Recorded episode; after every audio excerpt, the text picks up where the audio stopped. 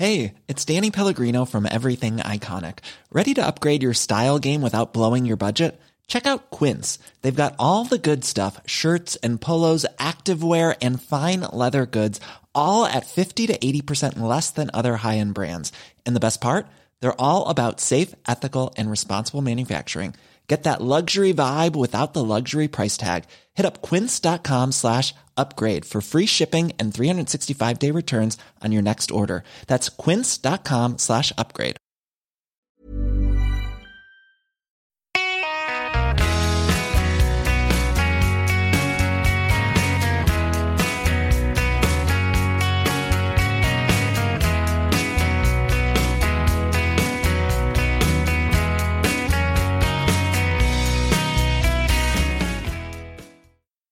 Jag brukar inte vara den som blir dagvill sådär men, men eh, i år har jag lite problem med att hålla reda på dagarna. Men efter noggrann kontroll så har jag upptäckt att det är tisdag. Ja, just det. Det var rätt. Ja, och då kör vi podd. Då kör vi podd på tisdagar, ja. Så har vi ju sagt. Avsnitt 70 är vi framme i. Hoppsan. Denna andra dag på eh, 2018. Hur förlöpte nyårsfirandet? Ja, men det var lugnt. I min ålder så tar man det lugnt. Okej. Lite, go- lite god mat och lite god dryck. Ja, Ganska tidigt i säng in på det nya året. ungefär samma här faktiskt. Vi är lika tråkiga båda två. Ja, utrista. Eh, vi ska säga det då till att börja med att vi gör den här podden i samarbete med eh, det nystartade spelbolaget Toto2 även den här veckan. Toto2 är ett spelbolag som satsar hårt på både trav och fotboll och har dessutom spel på de flesta andra sporter och kasino. Vad gäller sportspelen startar Toto2 till exempel med en väldigt hög återbetalningsgrad på de stora ligorna på runt 98 till 99% per matchdag. När det då gäller travdelen så har man just nu flera riktigt spännande kampanjer vilket ger ordentligt bra spelvärde. Toto 2 adderar till exempel 10 000 kronor i varje lopp på vinnarspelen i eh, tre V75-lopp varje lördag. Utöver detta erbjuder de också en early bet bonus där du får 5% cashback om du spelar mer än 4 timmar innan loppet börjar. Och som nu ny kund tilldelas du även en välkomstbonus på 300 kronor. Du Henrik, de, det var faktiskt spel där även till söndagens tävlingar, alltså nyårsaftons tävlingar. Ja, det blev ju eh, sent, lite sent tillkommet där spel även på söndagen. Så då var det 20 000. Just det, och Luna Nera Dock som vann den sjätte V75-avdelningen gav på ATG 38,85 och på Toto 2 98,41. Då är 98 gånger mer, bättre. Ja, något. Eh, lördags då, som det var ju de loppen vi spelade på. Då gav Lego Holmzon eh, 38,22 på Toto 2. På ATG fick man nöja sig med 15,34. Dante Bocco 1,88 mot 1,65. Och Justice Ås 1,84 mot 1,68. Och våra vinnare sprack båda två. Ja, vi är för dåliga. Ehm, Ja, jag tycker faktiskt att jag spelade rätt häst, Slide So Easy. Det, det var rätt vinnare egentligen. ja, jag måste hålla med faktiskt. Men tyvärr kom någon i vägen där på baksidan. Eh, även jag tyckte jag hade lite otur även om, om eh, det blev konstigt kört i loppet. Och han fick sent fritt min Sharp Dream. Eller hon är det ju. Och blev trea. Ja, men det är inget Ja. att gråta över spilld mjölk. Nej det är det ju inte. Så funkar inte spelet. Och våran lilla duell kommer fortsätta under veckan eftersom det är sen anmälan till eh, Bergsåkers tävlingar på lördag så kommer den eh, duellen att ske via Twitter. Just det. Ovanligt eh, exceptionellt sen anmälan med tanke på att det brukar vara på söndag kväll. Men just i den här veckan på tisdag förmiddag och med startlistor inte klara fram, framåt kvällen. Så så blir det. Och vi hade ju då en tävling. Just det. Nu ska det vann? avgöras. Vilka vann? Vilka, vann? Justice Ås var det alltså till 1,84 och det var åtta stycken totalt som hade tippat på Justice Ås. Och då blir det utslag. De två närmaste oddsen då, värderade oddsen vi, vi, blir vinnare av denna tävling. Låt, låt oss höra. Låt oss höra. Den som var allra närmast, 1,82 var snyggt. Ja. Andreas Tankred.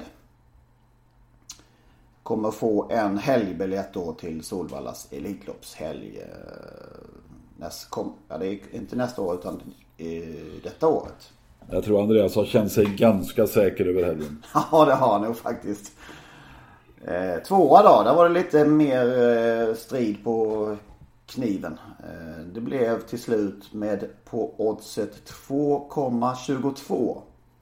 Martin Bonnier. Tro, trogen poddlyssnare. Det kanske Andreas också är, det vet jag inte. Men Martin vet jag lyssnar varje vecka. Vi gratulerar och blåser en fanfar. Ja. Till Martin och Andreas. Och går över till veckans program. Veckans program och du kör rubrikerna. Vi börjar med tragedin i Paris strax. Blir Prix d'Amérique ett trekejsarslag? Är vår fråga. Och sen då premiär för en nytt inslag, en telefonintervju med en aktuell person i travsporten som vi ska ha varje vecka förhoppningsvis. Nya bud för Nuncio. Det vill vi se mer av 2018. Det, vill, det vill vi se mindre av. En tillbakablick också där vi tittar varje vecka tillbaka vad som hände för 20 år sedan. Elitloppsvinnaren som slog till i V75 på, i Örebro. Kalle Jeppssons fräcka kupp. Hur gick det för auktionsdyringarna? Så har vi duellen och tävlingen då, men den blir som sagt eh, under veckan. Bäst och, bäst, bäst och sämst avslutar vi med. Då ska vi då börja tråkigt den här veckan. Eller, Ja, det var ju fasansfullt det som hände på Vincennes med Oh, den wow. fantastiskt vackra hästen. Som har tjusat så många, som hade så många, alltså en av de eh, stora publikfavoriterna Alfas da Vinci måste vi kunna säga. Ja, faktiskt. Det blir ju något speciellt med de här stayerhästarna också som, som, eh, som syns i de där loppen eh, varje gång det är dags för ett sånt. Och liksom alltid med och hacka i dem. Det, det blir något, ja de blir lite unika på något vis. Ja, Och eh, med hans utstrålning, Fux som han var och eh, väldigt ståtlig på banan.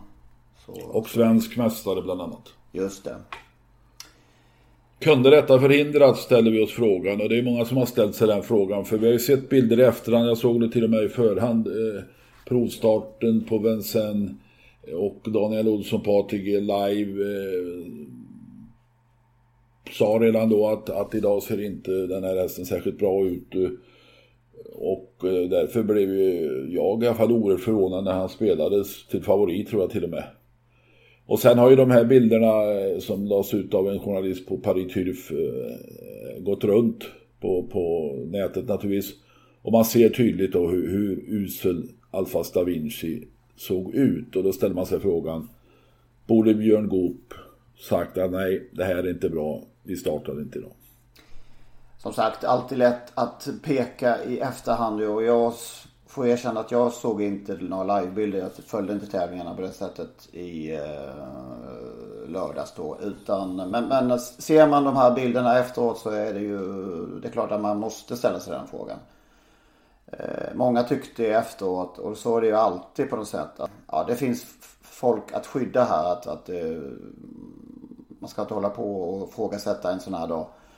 Men eh, man måste ju också försöka se, omedelbart försöka se konsekvenser och orsaker och samband. Och det är klart att han borde ha förstått detta. Björn Goop. Ja, det var, det var ju särskilt olyckligt när inte Joakim Rögren var tillstädes naturligtvis. Då hade han kört själv. Man inte varit på semester och då är ganska, ja det vet vi inte men eh, troligt är ju att han inte hade startat sin häst i, i det skicket. Jag, har- eh, jag har läst Björn Goops kommentarer efteråt att han hade rådgjort med kretsen kring hästen och allt var som vanligt. Eh, Men eh, de som har sett den, vi som har sett den i provstarter många, många gånger. Han brukar nästan, ja i alla fall se väldigt ståtlig och, och, och fräsch ut. Det gjorde han inte den här gången. Jag har aldrig tänkt på att han är, är speciellt hack, varken Hacke eller uh, i några provstart eller vändningar utan tvärtom brukar snudd på glänsa.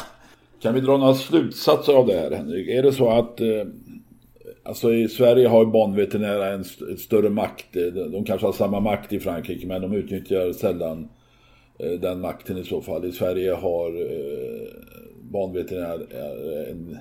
Ja, de tar sitt uppdrag på ett eh, större allvar, det tror jag.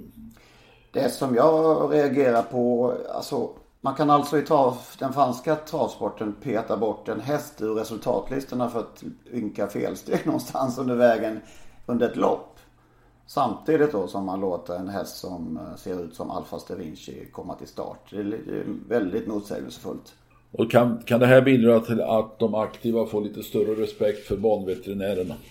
Att sluta gnälla när en häst plockas bort för att veterinären tycker den är ofräsch. Tragiskt var det, oerhört tragiskt. Ja. Vad minns vi då? Ska vi minnas Alfas lite grann? Ja, det är klart, du nämnde svenskt mästerskap där och det var ju nog det där året då han var som allra vassast ändå.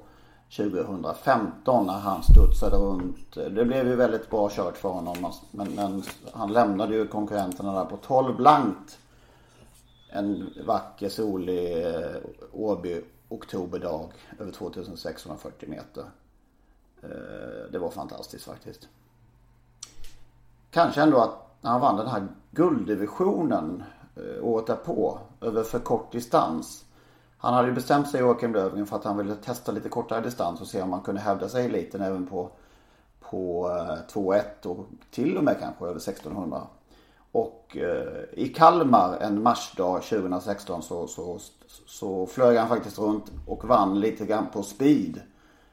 Eh, en gulddivision. Och eh, det blev nog lite förhoppningar där om att han skulle kunna bli en elitläst även över kortare distanser. Men, men eh, han förblev en stay ändå till slut. Och, eh, men för en stund så var han en häst hemma på speed och det, det minns jag starkt det där Kalmarloppet faktiskt.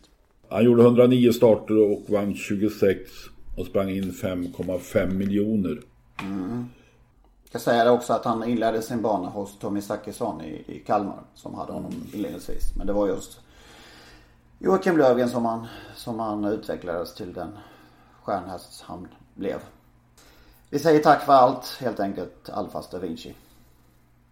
Och går vidare till Prix d'Amérique och vi fick se Propulsion i sin oerhört läckra stil. Mer eller mindre bolla med Boldigen. Prix de Bourgogne, sista bil, nej tredje billoppet blir det av fyra. Ja. Det återstår Belgique också om två veckor ungefär. Och eh, ja, det... Vi fick inte mindre förhoppningar inför Prix d'Amérique om man säger så va. Kan du tänka dig att Bold Eagle har förlorat tre lopp på raken? Ja. Han har blivit den ständiga tvåan helt plötsligt. Och hur många av dem, hur många lopp har han vunnit sen eh, Elitloppsförsöket? Ja, kanske att han vann ju i Monster och... Eh, ja, det är väl det enda då. Det är det enda faktiskt. Mm. Nu tyckte jag, mitt intryck nu av Eagle var trots den här nya andra platsen då att det var det bästa på ett rätt bra tag. Ja, han ser, jag tycker han ser fantastiskt fin ut nu för ja. att vara Bold. Han avslutar faktiskt, om jag läste rätt, 1.07,5 de sista 500 meterna. Och eh, eftersom Propulsion väl hade 1.08,6 så går det inte att ta de där längderna. Men eh, jag tror att kretsen kring Bold Eagle var nöjd. Liksom kretsen kring Propulsion. Och nu är vi där då. Blir Prix d'Amérique ett trekejsarslag mellan Propulsion, Bold Eagle och Ridley Express? Det är ju...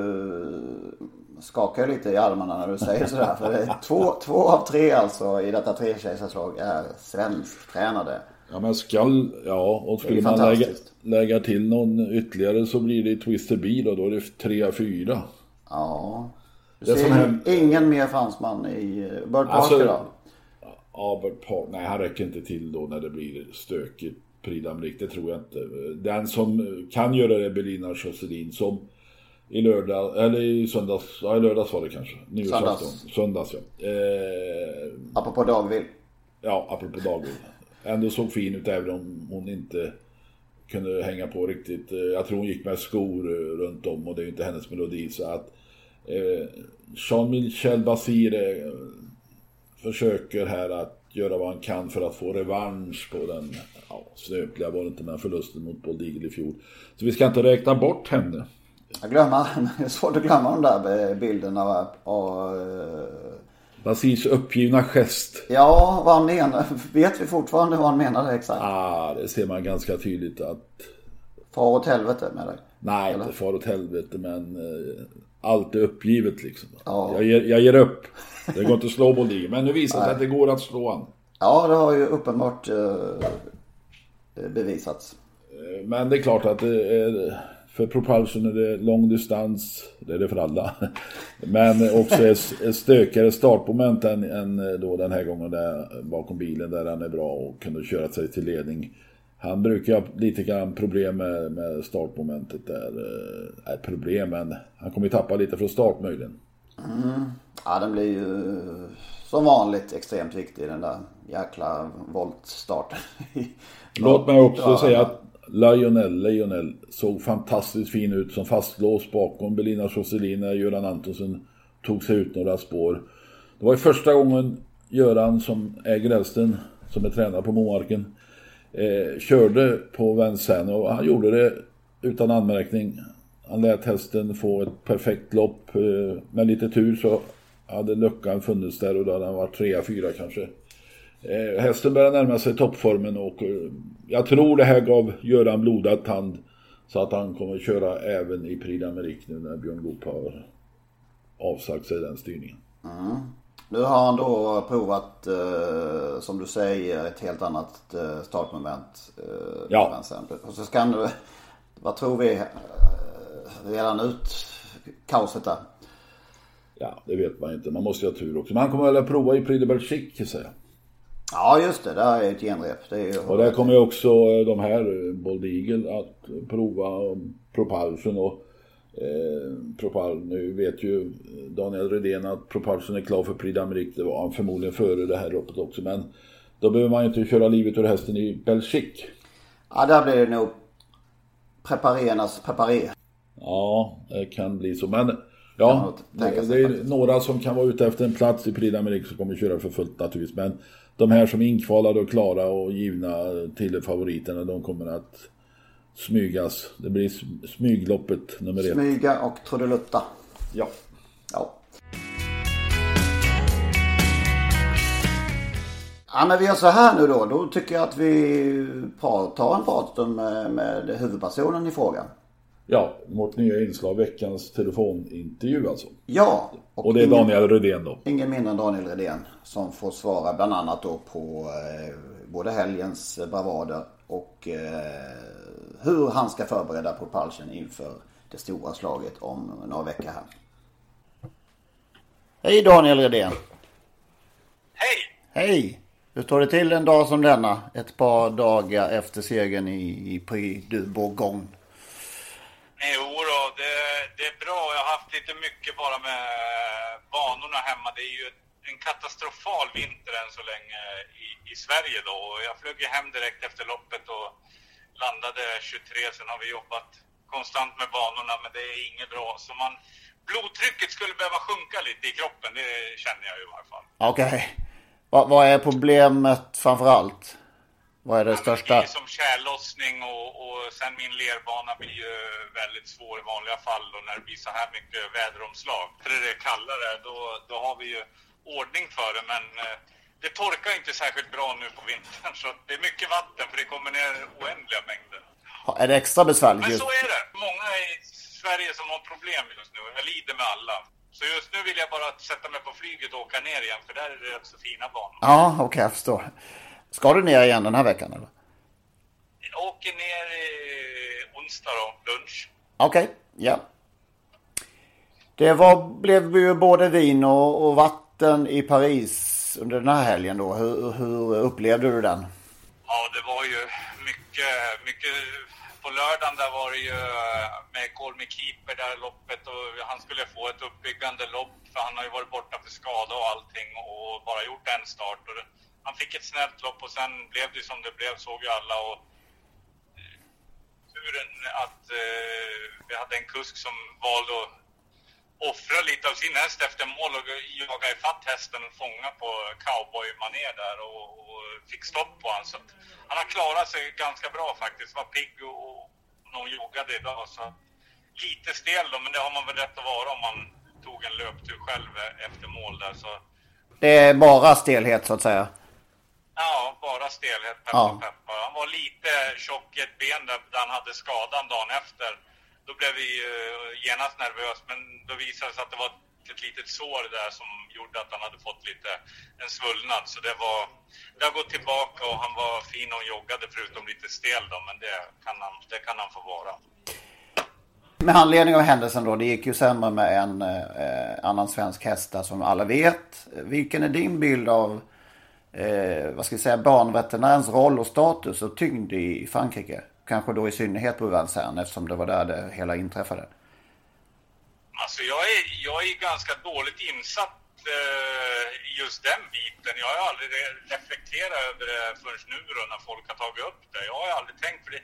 Det sitter ju någon typ av veterinärer och kontrollerar när de går ut på banan i varje fall. Eh, precis där och innan. Men sen har man inte tänkt, provstarterna sker ju så konstigt. Man kan göra hur man vill. Det är lite upp till tränare och att det ska vara bra i ordning. Men sen efter loppen kan man ju bli uppkallad till om inte hästen har sett något bra ut eller något och få böter och avstängning tror jag. Okay. Tycker jag de sa efter eh, vad jag vet. Men nu är bara, men jag var väldigt nöjd för veterinären kom ner direkt och, och kollade Me Keeper så att det finns ju veterinär på plats.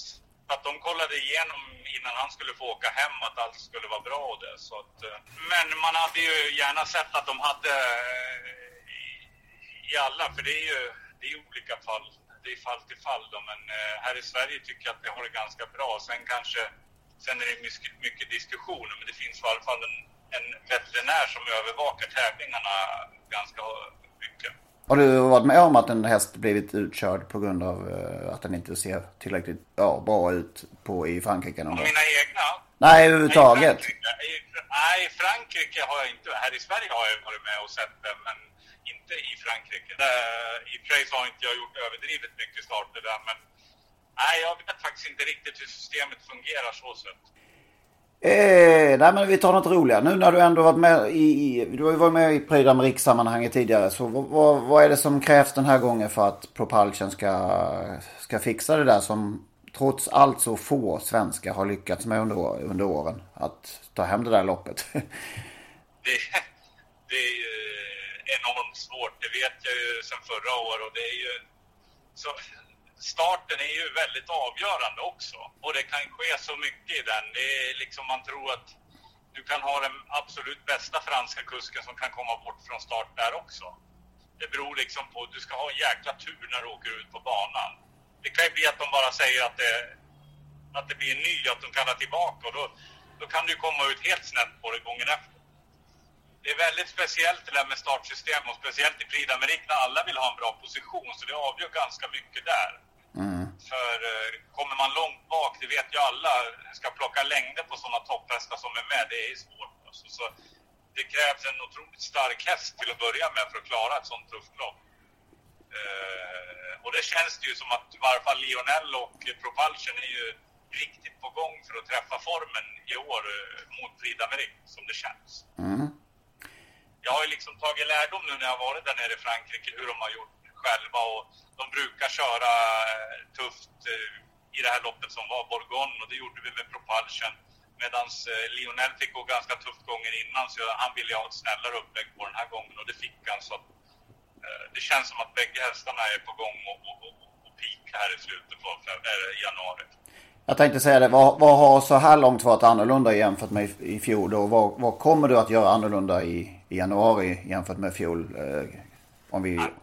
Jag har ju lagt upp lite små detaljer med träningen lite annorlunda och sen matchat annorlunda och dessutom kommer ju Propulsion eh, få starta lite kontinuerligt. Han kom ju ut med två månaders uppehåll och, och skada, eller den där infektionen i benen som han hade då förra året och direkt ut och var fyra. Så han kommer vara peppa, peppa så att det inte händer någonting nu. Men eh, om allt går som jag vill så kommer det vara väldigt, väldigt bra. Ja. Hur många från ditt stall kommer stå på startlinjen tror du? Vad, det är Propulsion, Lionel, blir det även Wild Honey tror du? Nej, hon blev ju sjuk nu inför Tenor de Bound jag vågade inte chansa heller för hon hade hosta någon gång och det visade sig efter var, alltså, att det inte var någon fara för hon gick ju upp på tisdagen och pulsen var perfekt och ingen hostning. Alltså, hon kommer att troligtvis starta Belgique så får vi se därifrån. Men tanken är att hon ska vara med i Prix d'Amérique om hon kommer med på pengar eller om hon kvalar in nu i Belgique. Ja. Jag, skulle jag vilja veta vad du vill se mer av i travsporten i, i stort 2018. Det är ett nytt år här. Oj, vilken knivig fråga. Vad jag vill se mer av.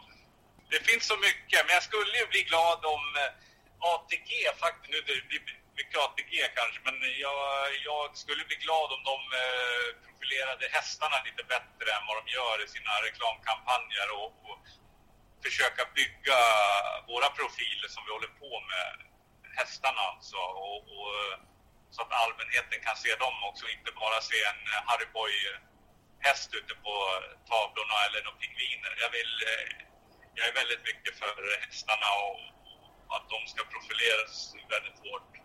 Så jag tror att det kan bygga intresse kring sporten och det är ändå de som krigar där ute på banorna. Du som då håller på i, Frankrike mycket, eh, ser du någon skillnad där? Ja, men det är väl kanske lite mera och det tycker jag. De har lite bättre, även om de också skulle kunna bli mycket bättre. Sen vet jag, det är mycket spel, man måste eh, göra mycket PR för spelet och, och, olika spelformer, det förstår jag också. Men ibland måste man kunna lägga in eh, lite feeling med de som utövar sporten där. Eh. Vad vill du se mindre av i travsporten 2018? Ja, Nej, men alltså det, det, finns säkert hur mycket som helst man kan dra upp. Alltså, något som jag kommer upp, det är samma med ATG där, att deras sajt kanske skulle börja fungera lite bättre när eh, vi aktiva blir, jag vet att jag själv har blivit drabbad några gånger och det som tränare kan man bli ganska förgrymmad när man har värmt en häst och det blir när det skjuts på starterna och det, det blir lite sådana där strul. Det, det, det, kan jag tycka att det är en bra grej att det måste kunna fungera. Faktiskt 2017, eller nu är det 2018 till och med, så det, det borde kunna fungera. Sen kan man addera eller lägga till massa eh, små saker. Det finns säkert allt att ta. Vi måste bli bättre med drivningar, vi måste bli bättre med det ena och det andra. Jag tycker vi utvecklas för varje år som går med, med sådana saker. Talade du om stressnivåerna tidigare? Många brukar ju vara stressande att se sina siffror slå ner på noll igen vid årsskiftet. Hur, hur är din nivå där?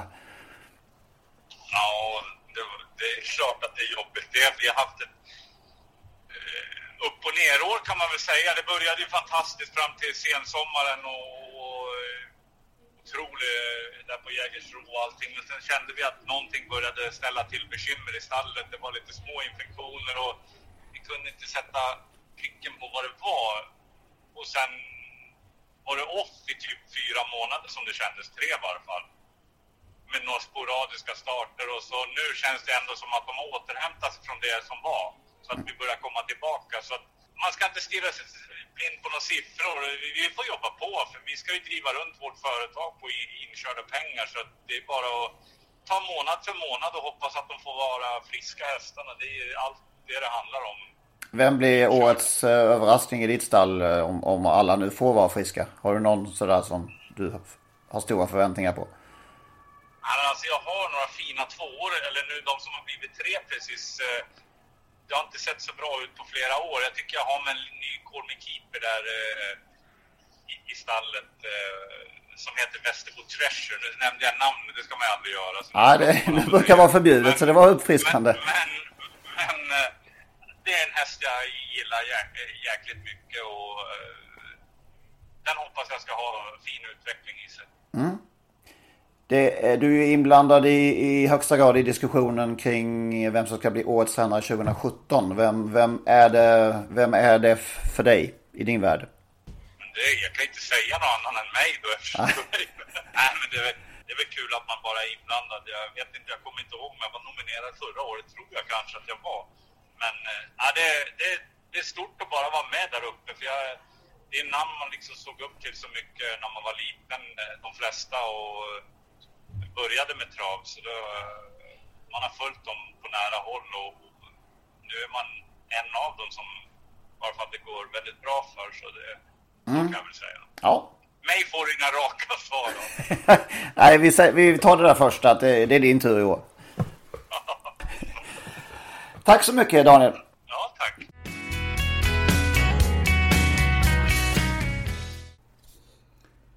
Ja, så har vi ju Nuncio, Henrik. Eller vad han nu heter. Nancio. Just Nancio ska det väl vara. Ja, och, ja. Eh, och eh, nya bud igen. Förra veckan eh, var det eventuellt USA. Nu är de planerna avskrivna och han blir kvar i Sverige som avelshingst på Menhammar alltså. Det var lite roligt för jag var precis med ett, telefonsamtal med, med en kompis här. Som eh, hävdade med bestämdhet att eh, ett kontrakt med, eh, vad heter det här nu? Hanover Shoe Farms. Hanover i, i USA var påskrivet och klart. Ja, men det är inget... Och sen hör vi, hör vi tvn i bakgrunden och där vi då får reda på att han är klar för menarna. Det var så symboliskt för, för, för just Nancy och Stefan Melander på något sätt. Ja, men han sa ju också i intervjun, ni vet hur jag är liksom. Eh, för de frågar han startar färdigt, nej det vet man inte. Ni vet hur jag är och sådär. Eh, han stängde ju inte helt dörren ner plötsligt för Prix d'Amérique där alltså. Eh, det fanns i möjligheternas ram, inom möjligheternas ram. Mm. Vi har, stängt, tror... vi har stängt den för länge sedan. Ja, det var länge sedan vi stängde den dörren. Och den är igenbommad med dubbla lås, sju tillhålla lås. Men eh, hur som helst, han blir kvar i Sverige som avelshingst. Han kommer att kosta 5 000 plus 75 000. Jag läste på Jörgen Westholms hemsida alldeles nyss om att hans hästägare, bröderna Karlsson där, har bokat tre platser och annat för Bobtail och deras finaste Oannika. Aha. Eh, så att bokningarna är nog i full gång så de som vill ha ett föl efter Nancio ska nog hänga på telefonluren ganska snabbt. Ja, han har ju inte den nyaste, eh, mest moderna stammen. Nej. Vad Nej. tror vi? Tror, alltså, tror Nej, ja, det, det, det, har slutat att tro om avelshingstar. Ja. de, får, de får visa.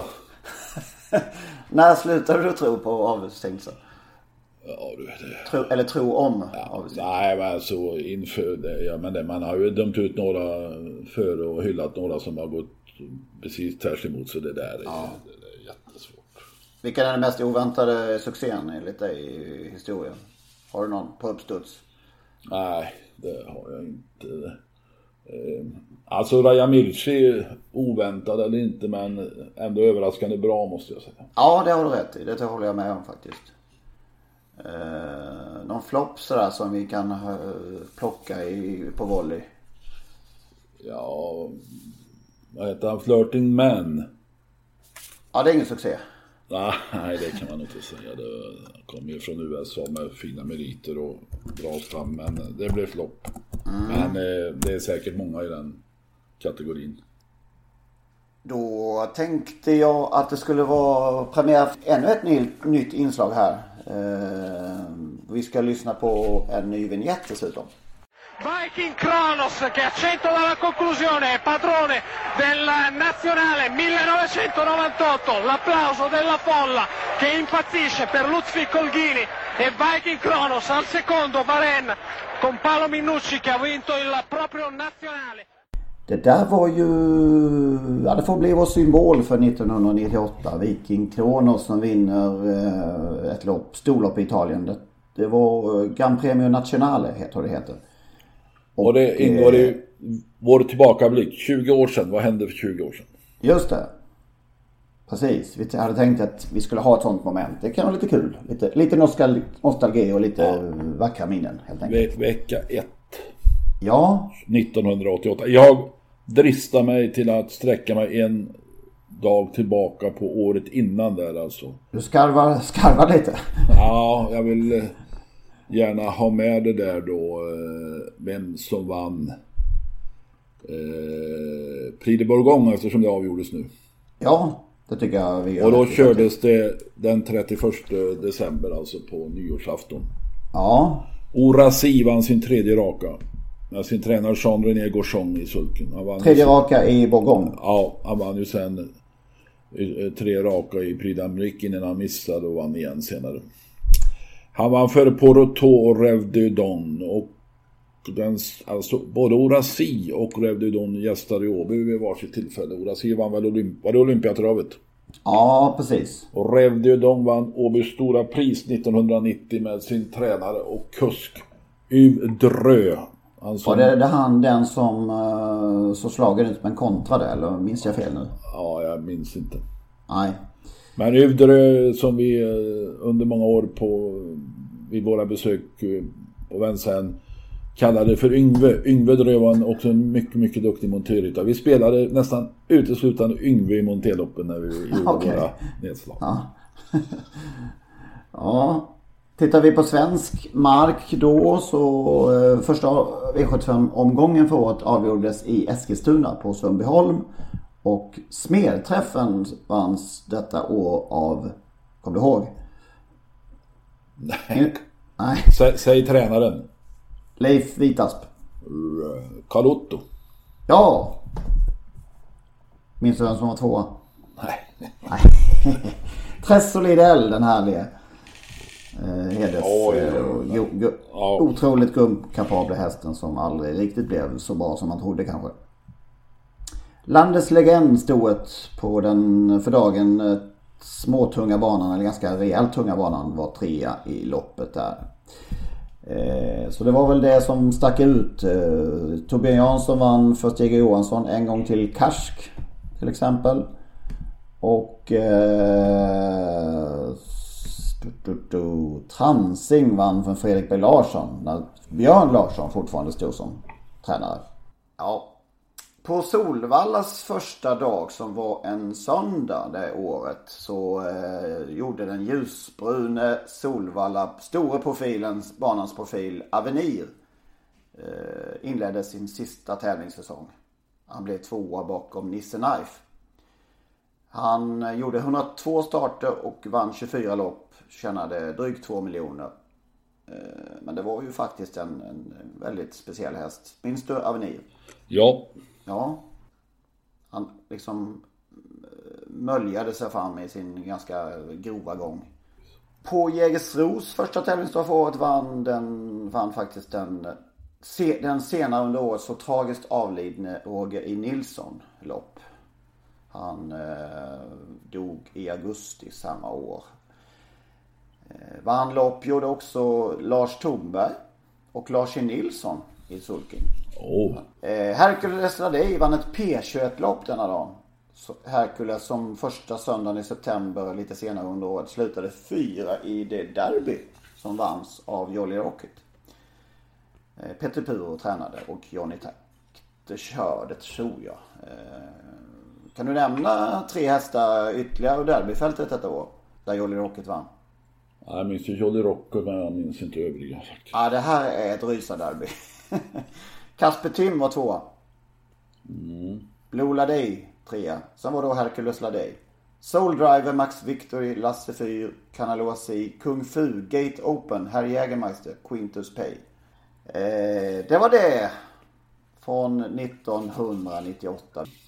Ska vi gå över till eh, nutid? Ja, vad vill vi summera av detta år? Ja. Och mindre. Mindre och mer av och vad vi vill eh, helt enkelt uppleva helst av allt under det kommande året. Ska du börja så kör vi varannan. Ja, okej. Okay. Jag skulle gärna vilja åka på V75 lite oftare faktiskt. Men det kräver i så fall att Skarplöt knäpper upp några knappar i prestigevästen och återgår till en tidigare start på lördagarna. Annars är det uteslutet. Varför då? Det är för sent. Visste du inte det? jo. Det är mörkt. Ja, ja man, har, man är så uppgiven nu så man har gett, man har gett upp slaget. Mm. Ja. Varsågod. Jag vill se Bold Eagle en gång ytterligare i Elitloppet. Och kom inte dragades med en svensk kusk nu bara. Nej, för tusan. Herregud nej. Det är klart det ska vara Frank Nivard i sulken. Och då vore det ju fantastiskt om vi fick se en revanschmatch mot våra st två stora svenska stjärnor just nu då, Real Express och Propulsion. Först i Prix och sen vill vi se dem i Elitloppet också. Och kommer Bold Eagle så tror jag inte man bombar i dödens allt som går en gång till i försöket. Nej. Nej. Yes. Ja, jag vill se en stark ordförande i svensk travsport. En man eller en kvinna. som kan ta kommandot över sitt eget förbund och framförallt använda STs ägarmakt i spelbolaget ATG. Mm. Jag skulle gärna, nu det här är långsökt kanske möjligen, men skulle gärna se ett beslut under det här året om att det i Stockholm görs ett Malmö. Att man helt enkelt säljer Solvalla och börjar om på ny kula. Vi behöver en omstart i Stockholm. Du säger som Hasse Backe sa i travronden, riv eläktaren. Ja, den, den, den ska rivas sist. Apropå det så hoppas jag förstås att Solvalla ändå reser sig som fågel Fenix ur askan. Eh, jag vill se fler nya namn i storloppen. Och då tänker jag kanske mer på de tvåbenta. Det vore kul om eh, catchdiver-gänget någon gång byttes ut mot eh, yngre förmågor och i, kanske i synnerhet kvinnliga löften lyfts fram i högre utsträckning det är svårt att utvecklas om man inte får chansen att misslyckas. Jag, jag förstår att det är svårt som ägare att, eh, att ta beslutet men eh, det skulle jag vilja se. Mm. Då skulle jag bli varm. En annan förhoppning är att Åby Stora Pris får tillbaka den stjärnstatus som loppet en gång i tiden hade. Det har gått i stå lite med det där eh, sprinterloppet och utslagning, eller vad heter det, skiljehit. Eh, nu hoppas jag att det här, det blir ett långlopp, stejerlopp. Jag hoppas framförallt att Åby sportchef Jon Walter Pedersen får hit några franska kanoner. Jag skulle vilja se ett dopingtillslag från SD som lyckas. ja, det, det är såklart överdrivet. förhoppning. Ja, men att det ska bli mindre stök kring sånt här. Mer, ja, det är skyddsvästar och stök... maskingevär måste de utrustas med verkligen. Ja, eller tvärtom kanske. Eh, jag vet inte, det har man ju hört lite grann att de när de kommer ut att de är lite polisstataktiga. Man kanske, man kanske behöver vara lite mer mänsklig när man i sitt sätt att möta folk i sådana här situationer. Man behöver inte vara eh, Ja vad ska man säga, man behöver inte vara otrevlig och ovänner bara för att man ska utföra det här uppdraget. Nej. Så, men jag hoppas att eh, det blir mer konkret och att det kan skötas lite, lite proffsigare, eller mycket proffsigare kanske under 2018? Det jag vill se mindre av. Ja. Ja, det är ju framförallt att lagt kort ligger. Ja, alltså jag vill se mindre av Fabrice Sola. Det har vi sett tillräckligt ja. av han, både på banorna och i rättssalarna. Och att lagt kort ligger, alltså den franska tränaren är trots allt dömd för grova dopingbrott. Och eh, han har inte på en travbana att göra. Ändå så ser man nu i Frankrike att det franska travförbundet ska göra en utredning om domen i Norge på tio års avstängning. Eh, jag kommer lite på samma ämne här då. Då blir det lite klagosång. Och för er som inte tycker, eh, gillar det så får ni snabbspola lite eller någonting. Det blir lite existentiellt närmast. Jag vill under 2018 ha svar på frågan varför jag ska fortsätta älska travsporten. Den företeelse som jag blev så förförd av en gång. Eh, då är vi inne då på till exempel Fabrice Soleura som eh, alltså vill ha sin licens tillbaka nu efter sin långa avstängning men nekas av det franska förbundet. Eh, men man som du säger då ska utreda. Och man bara känner en total blasé-smet över alltihop. Det, spel, det känns inte som det spelar någon roll. Allt pågår ändå som vanligt eh, oavsett vad som händer. Eh, om man nu fortsätter vara avstängd så kommer man att fortsätta verka under annan flagg och eh, travsporten låter det bara hända. Mm. Och det gör ju att man blir, eh, vad spelar det för roll? Det, det, man tappar sin eh, gnista och kärlek för sporten faktiskt. När det är så här. De här rättegångarna, förhandling, det blir ju blott nästan bara ett spel för galleriet. Ja. Mm, jag vill se färre krönikörer i tidningar eller inga alls som samtidigt är avlönade av ATG.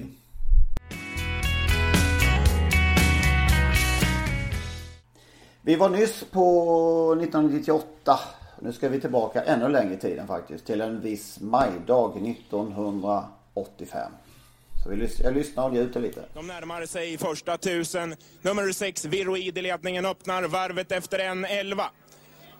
Sex Viroid alltjämt med press på utsidan av två Minode Donjon. Vi har sedan i andra spår tre Montour invändigt där ett Brandy Hanover med som femte häst sju Meadow Road. Där bakom fem Rosalinds Guy, vi har åtta The Onion och fyra Mikado C. Men när de har dryga 300 meter kvar och är i utgången av den sista svängen i 1985 års Elitlopp så har vi med grepp i andra spår nummer två Minodi Donchon. Följd av tre Montorbion som nu attackerar. Längre ut kommer också sju Meadow Road. Det är två minuter Donchon långt ut i banan kommer nummer sju Meadow Road. Längre ut fem Rosalins Guy. Det är nummer sju Meadow Road utvändigt. Fem Rosalins Guy. Nummer sju Meadow Road mitt i banan. Fem Rosalins Guy på utsidan. Nummer sju Meadow Road. Var stod du den där? Jag var inte där. Jag var, det var för tidigt för mig. Var, var stod du och såg det här fantastiska Elitloppet? Pressläktaren. Okej. Som då Nej, jag stod inte på pressläktaren. Jag stod på eh, den här uteserveringen där eh, som finns vid Ströget där nu för tiden. Där, Okej, där hade vi ett bord och drack en annan öl gissar jag. Och så Okej. kom Meadow Road där, just det. Och varför vi pratar om denna fanta- En av Sveriges bästa hästar genom tiderna, svenskfödda bästa hästar, ingen tvekan. Som tyvärr Och kanske det absolut häftigaste Elitloppen i historien. kan man säga. Och, att, och då kan man ju komma till eh, V75-dagen i Örebro. Det kanske inte alla känner till att tränaren bakom jätteskrällen, eh, Luna Nera Dock, Håkan B Svensson, var han som skötte Meadowrood. Och det kanske inte så många känner till. Den här Meadowrood vann ju inte bara Elitloppet utan han vann ju State of Liberty Trot och Olympiatravet, Nationernas pris. Alltså som jag sa, det är en av de bästa hästar som har fötts i Sverige och tävlat i Sverige. Torbjörn Jansson tränade och körde förstås. Men Håkan B Svensson var mannen som skötte hästen. Eller pojken på den tiden kanske. Han har blivit, han har blivit 56 år och hade i fjol sitt bästa år på mycket länge i alla fall som tränare. Ja, och nu då eh, V75-seger i eh, elft, säsongens elfte. Trä, där. tränar sju hästar och har sin licens på Sundbyholm brukar vi säga, Eskilstuna. Alltså. Inte säsongens elfte timme, det var ju säsongens första timme nästan. Det var ju på, det var på nyårsdagen. va? Nej, nyårsafton var det ju. Nyårsafton var det. Ja, men då så. Ja. Men när vi ändå är där då, va, Örebro, så Kalle Jeppssons cup var fräck alltså. Ja, Eh, jag måste erkänna, jag kom inte in i loppet förrän efter fyra- 400 meter. Och då var kuppen redan, kuppen redan förlorat starten egentligen mot Tobin Kronos som var före in i kurvan. Eh, Jag kanske hade räknat med att Kalle Jeppsson redan där skulle vara före. Men så var det ju någon häst ute i tredje spår så att Berg kom lite, blev lite instängd och då passade Kalle Jeppsson på att också kliva ut i tredje spår, styra ut i tredje spår och attackera mot täten. Och var ju loppet avgjort och eh, Berg satt med långnäsan. Det var fräckt och det är som vi ser kanske för lite av i de eh, ofta eh, välkammade travloppen. Ja, lite kuppförsök då och då skulle inte skada. Lite oftare. Var, eh, det är lätt att hylla någon som vinner plötsligt då. Han vann ju ett V75-lopp ytterligare den gode Jeppsson. Och vad, ja vad, vad, vad sätter Han var nära ytterligare ett par gånger. Han var tvåa där. eh, Men Ja, jätte- han var med och ha- hackade i de flesta lopp. han är en av de som är underskattade, det är ingen tvekan. Han är en av de som får för få chanser. Eller får för få chanser, han får ju bra chanser men han är inte riktigt etablerad i de stora stallen utan man kör på gammal eh, vana där ryggmärgsanmälningar va, med, med de här toppkuskarna som nu har dominerat ett antal år. Eh, jag tycker Jeppsson tillhör de fem, sex bästa i Sverige och utan tvekan så skulle jag kunna anlita honom före alla andra om, om det var så. Han hasar gärna in där kanske på en, de här listorna som man sätter upp på anmälningslistorna som, som eh, eh, sjätte, sjunde val kanske. Efter Det är ganska färdigt, så jag tittade på något lopp på Bergsåker och jag tror Ulf Olsson var uppsatt på fem sex hästar i, i ett av loppen. Där. Ja, det är färglöst. Använd Micke J mer, använd Kalle Jeppsson mer. Det är, alltså det är lite fräcka kuskar också som kan sätta färg på loppen. Jag tycker vi har sett Ja, jag tycker vi har sett eh, tendenser till det under de här eh, maratondagarna med V75 där hyrkuskarna inte haft eh, tid och möjlighet att åka runt överallt. Det blir lite Nej. annorlunda. Ja, Okammade lopp. Då, det vill vi se också 2018 helt enkelt. Fler kuskar i V75-leken. Ja men det var kul för Håkan B. Ja, absolut. Helt enkelt. Eh, då ska vi kanske titta. Vi hade tänkt att vi skulle titta på, att, på hur det har gått för de eh, treåringar som just har eh, blivit fyra år då, år då. Hur det har gått för de, eh, de som var dyrast på auktionerna när det begav sig. Ja, just det. De som har sin... Som när de såldes då som ettåringar Ja, va? och de som har sin treårssäsong, sin första säsong igen, ja i alla fall sin treårssäsong, det kan ju vara andra säsong, avklarade. Ja. Eh, Hur ser det ut på, vem var absolut dyrast? Ja, de jag har tittat på auktionerna då så är det Kois Rain 1 260 000 på, på elitauktionen. 1 260 000 efter Muscle Hill som ropades in eh, av Reijo Liljendal. Gjort eh, åtta starter, vunnit ett lopp och tjänat 128 000. Hipster 1 250 000 på Colgini Sales. Efter, stå efter Kent Hall, Roger Wahlman eh, ropade in för sin stora hästägare SRF Stable. Nio starter, två segrar, 163 500. Ergo Am 1,2 miljoner på Collini Sales. Marcel Hill, son. Reijo Liljendal ropade in nio starter, 164 000 kronor. Dibaba. Nu har vi ett guldkorn. Eh, eh, 1 miljon 50 000 på Collini Sales. Muscle Hill Moonlight Kronos, mamman, ja som du vet. Helsyster med Going Kronos. Roger Wahlman, SRF Stables, 1 miljon 1050 alltså. Har sju segrar, 2,7 miljoner kronor. Men fortfarande utan seger i de stora loppen. Tvåa i både, Ja, det har ändå 2,7 miljoner. Då ändå ja, tvåa i både Oaks och Breeders kramfinal. Ja.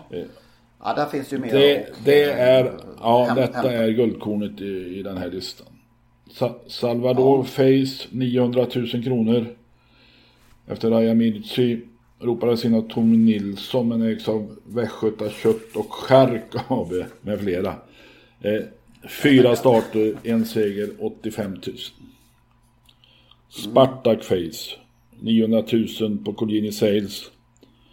Eh, ropades in av Skåne Entreprenad eh, och gick i Konrad Lugauers träning. Kvalade i september på en 17,9 men när fyraårssäsongen nu är inne så har den inte startat. Break on throw 800 000 efter, alltså ett stod efter Viking Kronos. Ja. Estridge AB, Häggenås, Per Linderoth tränar. Har varit ute på banan en gång, ja ute på banan men i alla fall officiellt. Kvalade den 29 i första men ja den kvalade inte, den blev diskad för galopp. Och sen har den... Nej det var 29, 29 i 12, 29 i 12 var nyligen, förlåt. Ah, okej. Okej. Vackel. Alltså en, en eh, eh, Solaboko, samma mamma som Maharaja Chili Khan. Stefan Hultman ropade in. Eh, har eh, tränats hos, av Pasi Aiki och Stig Johansson. Vann debuten Stig och gjorde ytterligare två starter, 6-0. Men är sedan en tid tillbaka död faktiskt. Sprang in 55 500 kronor. Joe Lewis. 650 000 efter Lavec och fina Knowledge Face. Roger Wahlman, SRF Stable, inte startat. Digital Science, 620 000 kronor. Efter Superfolk. Cosmos, en helbror faktiskt till Digital Inc. Ropades in av Bole AB, alltså för 620 000 på elitaktionen. Ägs av Göran Kjellberg numera i Öjersjö. Eh, tränas av Robert Berg. Tre starter, sexa diskad, diskad. Ja, vad drar vi för slutsats av detta? Det är inte säkert att de dyra hästarna blir de bästa. Nej, får, man vet inte om man ska vara glad eller ledsen här. För ägarnas skull ledsen. Ja. Eh, det man kan konstatera till att börja med är att vi hamnar ju precis på statistiken här och att det är en av tio som Ja, ja, så är det faktiskt. Ja.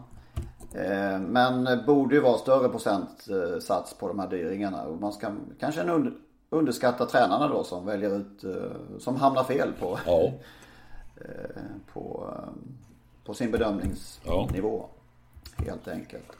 Och sen är det ju en tröst då för de som inte har de här stora plånböckerna att eh, det finns chanser även på eh, om man kliver ner lite på, i plånboksnivå, på plånboksnivån. Mm. Spännande. Vi får återkomma nästa år och se hur det går för eh, nästa kull. Precis.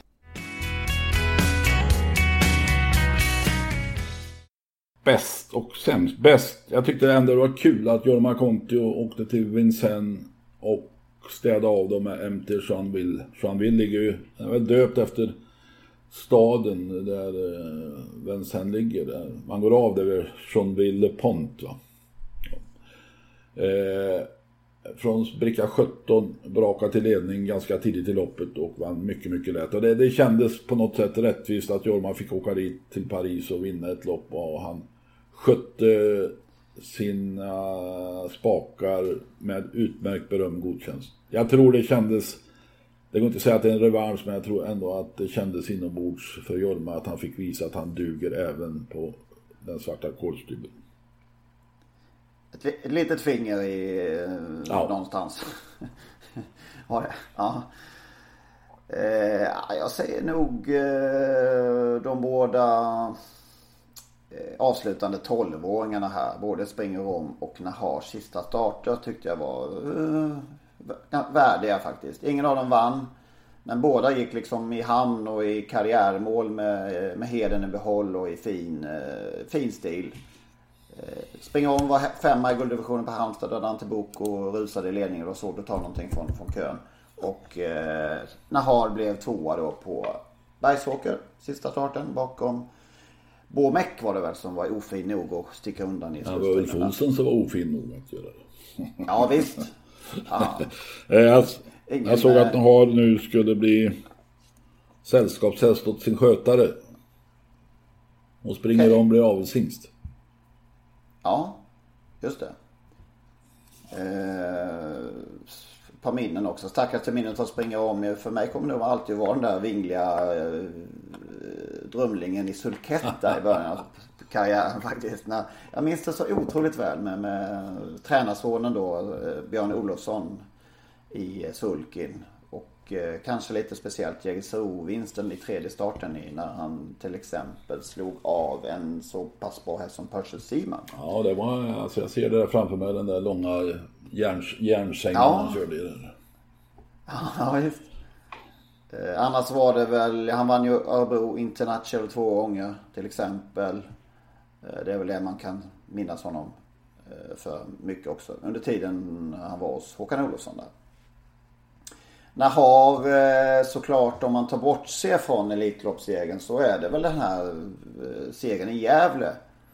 På 1.09,7 veckan före Elitloppet. Och, och det, var ju, det var ju alltså grunden till Elitloppssegern gissar jag. Ja visst, han hann fram med halsmarginal. Och utan den segern ingen Elitloppstriumf. Mm. Och då var ju, det var ju den dagen han visade att icke-sprinten faktiskt också visade att han var ganska snabb. Sämst då? Ja, det är lite trivialt. Men jag satt och såg eh, tv-sändningen där i, i lördags då och eh, det blev stenhårt i mål i sista avdelningen. Eh, där då favoriten, eller nästfavoriten, Friend of Nature höll undan för mycket starkt spurtande Rafiki Fri.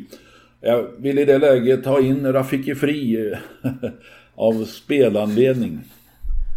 Och ja. eh, jag och sonen satt och tittade. Han sa ja, Jeppsson vann. Och jag, jag hade ändå förhoppningen uppe för det var svårt med vinkeln och det var så... Ja, ja. Väldigt svårt att... Och så annonserade de att nu kommer målfotot. Och så fick vi se ett målfoto där ytterhästen var först i mål och jag jublade. Ja, jublade. Jo, jag hojtade till i soffan. Och så innan de kom på att det var ju fel lopp de visade. Det var ju loppet innan. Helvetes ja, det var alltså. Ja. Ja, jag förstår, jag förstår känslan. Man, man... Ja. Ge, det var alltså bättre utdelning på 500? Var ja, det, då, och, eller hade du ja, dubbelspel? Lite grann. Ja, okej. Okay, okay, ja. Bara en 10 eller så, men... Ja, okej. Okay.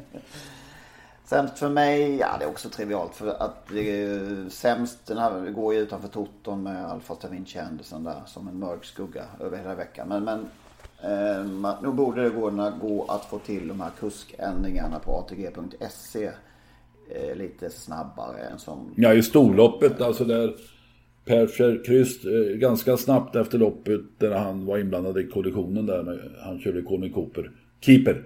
Eh, med att han inte kunde köra och det kom snabbt då besked om att Björn Goop skulle ersätta Pierre Fjärrkryss på Anna Mix. Det lyckades ATG få in en, en stund innan eh, loppet, ja till och med innan tävlingen. Men igår så var det en häst som Fjärrkryss också var uppsatt på som Björn körde och det lyckades de inte få in den ändringen, eller de fortfarande inte fått in.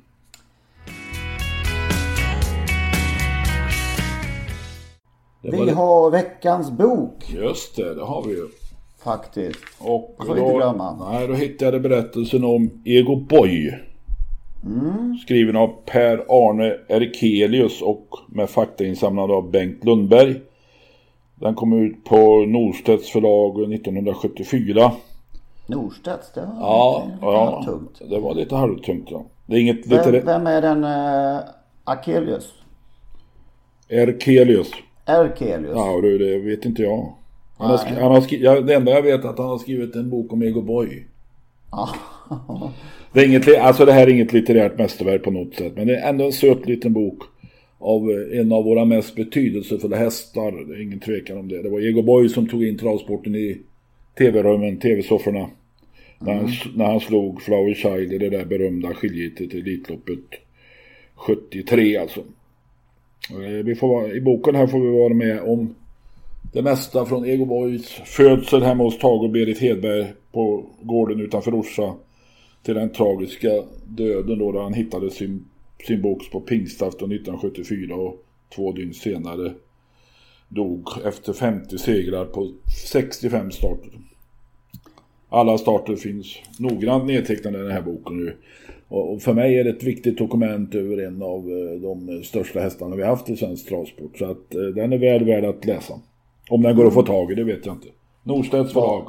Den kom alltså ut 74 också. Ja, och sen tror jag det har kommit ut ytterligare en upplaga. Kanske att Dalatravet Rättvik kan ha några exemplar att sälja. Ja, just det. Det är inte omöjligt. Det var snabbt skrivet får man säga. Om, om eh, då eh, pingstafton i maj-juni där avled ju Egerborg och sen samma år gavs den alltså ut. Det var snabbt. Marscherat. Ja, ja, ja. Har du något hovbetyg? Två. Två hovar. Två. Ja, lite, ja. Och det är lite eh, det språkliga berättandet som sätter ner, Ja, låter det som. säg två och en halv. Ah, Nej, men den, eh, jag tycker den är väl värd att läsa trots allt. ja. Ja, då är vi väl ganska klara va? Eller har vi glömt något? Nej, vi kan väl eh, avsluta med god fortsättning på detta 2018. Ja, verkligen. Och missa då inte att vi eh, kommer ut med Toto 2-duellen på de sociala medierna. Du har fler än jag. Eh, I slutet på veckan. Ska vi säga fredag då? Som vi, Ja, som framförallt inne på Twitter då. Just det. I samarbete med Toto 2 har vi alltså gjort den här podden och eh, vi får påminna om att det går också väldigt bra att sponsra oss på www.patreon.com där man söker upp eh, vår podcast. Henrik Ingvarsson kan man söka på och så eh, är vi jättetacksamma om man vill sponsra oss. Då säger vi så, så hörs vi om en vecka igen. Ja, ja. Ha det gött. Ja, detsamma. Hej.